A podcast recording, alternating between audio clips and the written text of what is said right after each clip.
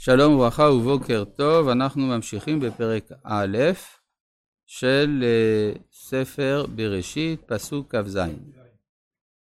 ותרגנו בהעוליכם ותאמרו, בשנאת השם אותנו הוציאנו מארץ מצרים, לתת אותנו ביד האמורי להשמידנו.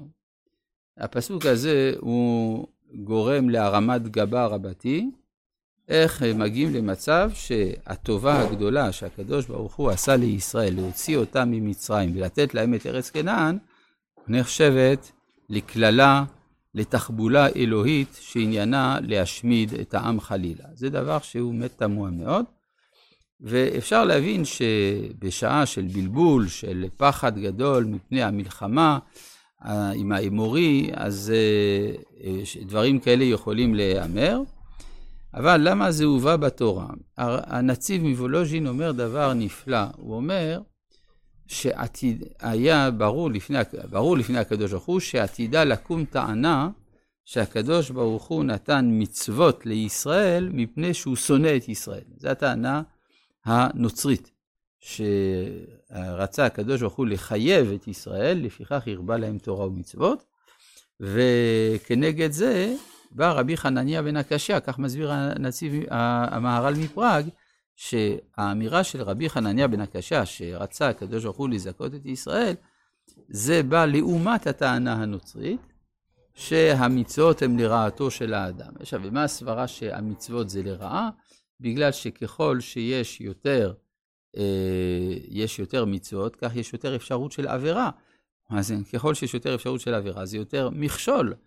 ולכן אה, מבחינתם צריך לבטל את המצוות ולבנות את הקשר עם האלוהים על יסודות אחרים של אמונה וכדומה. אז אה, אומר הנציב וולוז'ין, כדי להתמודד עם הטענה הזאת, התורה סיפרה לנו שאמרו טענה דומה ביחס לירושת ארץ ישראל. הרי כל אחד שקורא את התורה בצורה אובייקטיבית, ואת ההיסטוריה באופן אובייקטיבי, מבין שנתינת הארץ לישראל היא דווקא טובה ולא רעה, וכשם שאפשר היה להתבלבל ולחשוב שהמתנה הזאת הייתה דבר רע, אז כך, אה, כש... אבל אנחנו מבינים שזה לא נכון, אז כך גם כשתהיה הטענה הזאת כלפי המצוות, שידעו שזה גם כן לטובה ולא לרעה חלילה. ותרגנו בעוליכם ותאמרו בשנאת השם אותנו הוציאנו מארץ מצרים לתת אותנו ביד האמורי להשמידנו. אנא, אנא זה איפה, כן? אנחנו עולים. אחינו המסו את לבבינו לאמור, עם גדול ורע ממנו. עכשיו, זה, אחינו המסו את לבבינו, זה אמנם כתוב בפרשת שלח, פה לא ראינו את זה. פה ראינו שהמרגלים חוזרים ואומרים טובה הארץ. ורק בדרך אגב אנחנו שומעים שאחינו המסו את לבבינו. כי המטרה של משה כאן איננה לדבר על רשעתם של המרגלים, כי זה אדרבה, ככל שהוא יגדיל את רשותם של המרגלים, אז זה יותר אה, מקל, יותר מסנגר על ישראל, ששמעו להם. לכן אה, משה קודם כל מדבר על זה, אתם לא רציתם לעלות. בדרך אגב, השתמשתם גם במה שאחיכם אמסו את לבבכם. לאמור עם גדול ורע ממנו, ערים גדולות ובצורות בשמיים, וגם בני ענקים ראינו שם. יש לציין, כן? מה אתה אומר?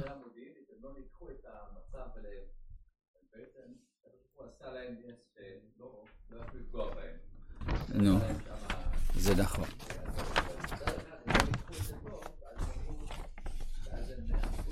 כן, זה נכון, אבל זה שייך לפרשת שלח, מה שאתה אומר.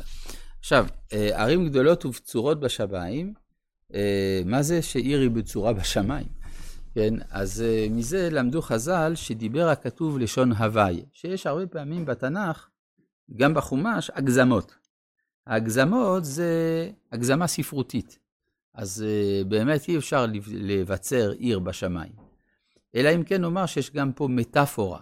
מטאפורה שזה מגיע, הערים שלהם מגיעות גם עד השמיים במובן שהם מהווים תוכן ערכי.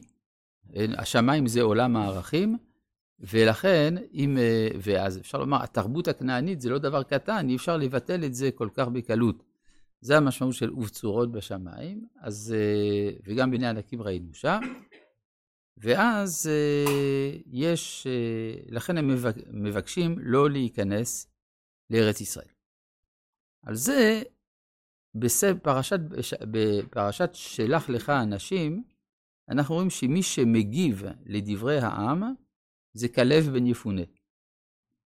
ואין שמה תיאור של התגובה של משה.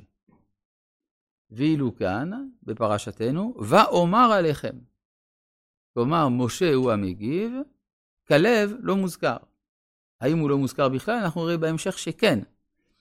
אבל כאן משה מייחס את התגובה לעצמו, בפרשת שלח היא מיוחסת לכלב. מה ההסבר? ההסבר הוא שכנראה שניהם דיברו, גם משה דיבר וגם כלב דיבר. אלא שהתורה לא רצתה לשים את שני הנאומים באותה הפרשה. וזאת למה? כדי שלא נשווה ביניהם.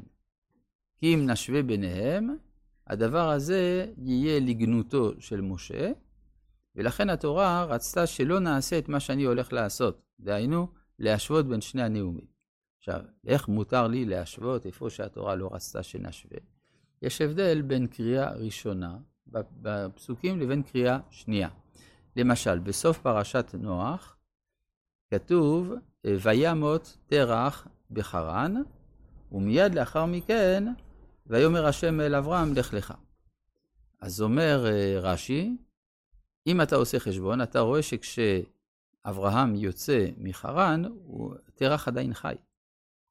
אבל הכתוב כתב את הסדר של הדברים באופן שיראה כאילו שאברהם יצא אחרי מות אביו. כדי, אומר רש"י, שלא יהיה הדבר גלוי לכל שעזב את אביו. אז עכשיו, מה עושה רש"י? הוא הורס את כוונת הכתוב. הכתוב אמר שלא תעשה את זה, ורש"י אומר כן נעשה את זה. אלא שיש הבדל בין הקריאה הראשונה לקריאה השנייה. בקריאה הראשונה אתה צריך, אתה עוד לא יודע מי זה אברהם. אם הדבר הראשון שאתה תדע עליו זה שהוא עזב את אביו בחייו, יהיה לך דעה שלילית עליו. אז קודם כל מעלימים את זה ממך. אחרי שאתה יודע מי זה אברהם, אז יש לך כבר שיפוט חיובי, אתה מבין למה הוא עזב את אביו בחייו. ואז רש"י בא ומשלים. אותו דבר. פה הכתוב לא רצה שבאותה פרשה, בקריאה הראשונה, אנחנו נשווה בין הנאום של כלב לנאום של משה, אבל אחר כך, כן, אפשר. עכשיו, מה, מה פה קורה? הדברים שכלב אמר היו דברי מוטיבציה. עלו נעלה וירשנו אותה. כי יכול נוכל לה.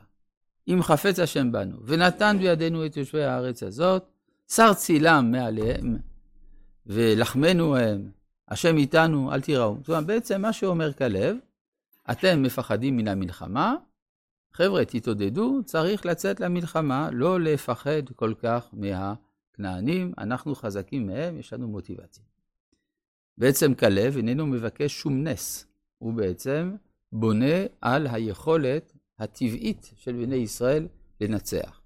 לעומת כאן, ואומר עליכם, לא תארצון ולא תראון מהם, השם אלוהיכם ההולך לפניכם, הוא יילחם לכם. כלומר, אומר הפוך לגמרי מכלב. אומר, משה בעצם משלים עם החולשה של העם. אתם מפחדים? לי יש קצת ניסיון, השם יילחם לכם ואתם תחרישון היה בקריאת ים סוף, אותו דבר יהיה בכיבוש ארץ ישראל, הוא יילחם לכם. ככל אשר עשה איתכם במצרים לעיניכם. ובמדבר, אשר ראית, אשר נשאך השם אלוהיך, כאשר יישא איש את בנו, בכל הדרך אשר הלכתם עד בואכם עד המקום הזה. בעצם, מה שעושה משה, הוא מקיים שיח שגורם להשלים עם חולשתו של העם, והוא סומך על ניסים. כי משה יש לו ניסיון, הוא מלומד בניסים, הוא יודע איך זה עובד. ובדבר הזה אינכם מאמינים בהשם אלוהיכם ההולך לפניכם בדרך לתור לכם מקום לחנותכם? באש לילה, להראותכם בדרך אשר תלכו בה ובענן יומם? אז בעצם משה אה, מדבר אחרת מכלב, ואז התגובה היא, וישמע השם את כל דבריכם, ויקצוף, וישבע לאמור, אם יראה איש באנשים האלה, הדור הרע הזה, את הארץ הטובה אשר נשבעתי לתת לאבותיכם, זולתי, כלב. הנה, פתאום הוא מוזכר. כלב בן יפונה, הוא יראנה ולא ייתן את הארץ אשר דרך בה ולבניו. יען אשר מילה אחרי השם. גם בי יתענף השם, בגללכם לאמור, גם אתה לא תבוא שם. כלומר, כאן הכתוב גילה לנו את הסיבה האמיתית של אי כניסתו של משה לארץ, שזה ההשלמה שלו עם חולשתו של העם.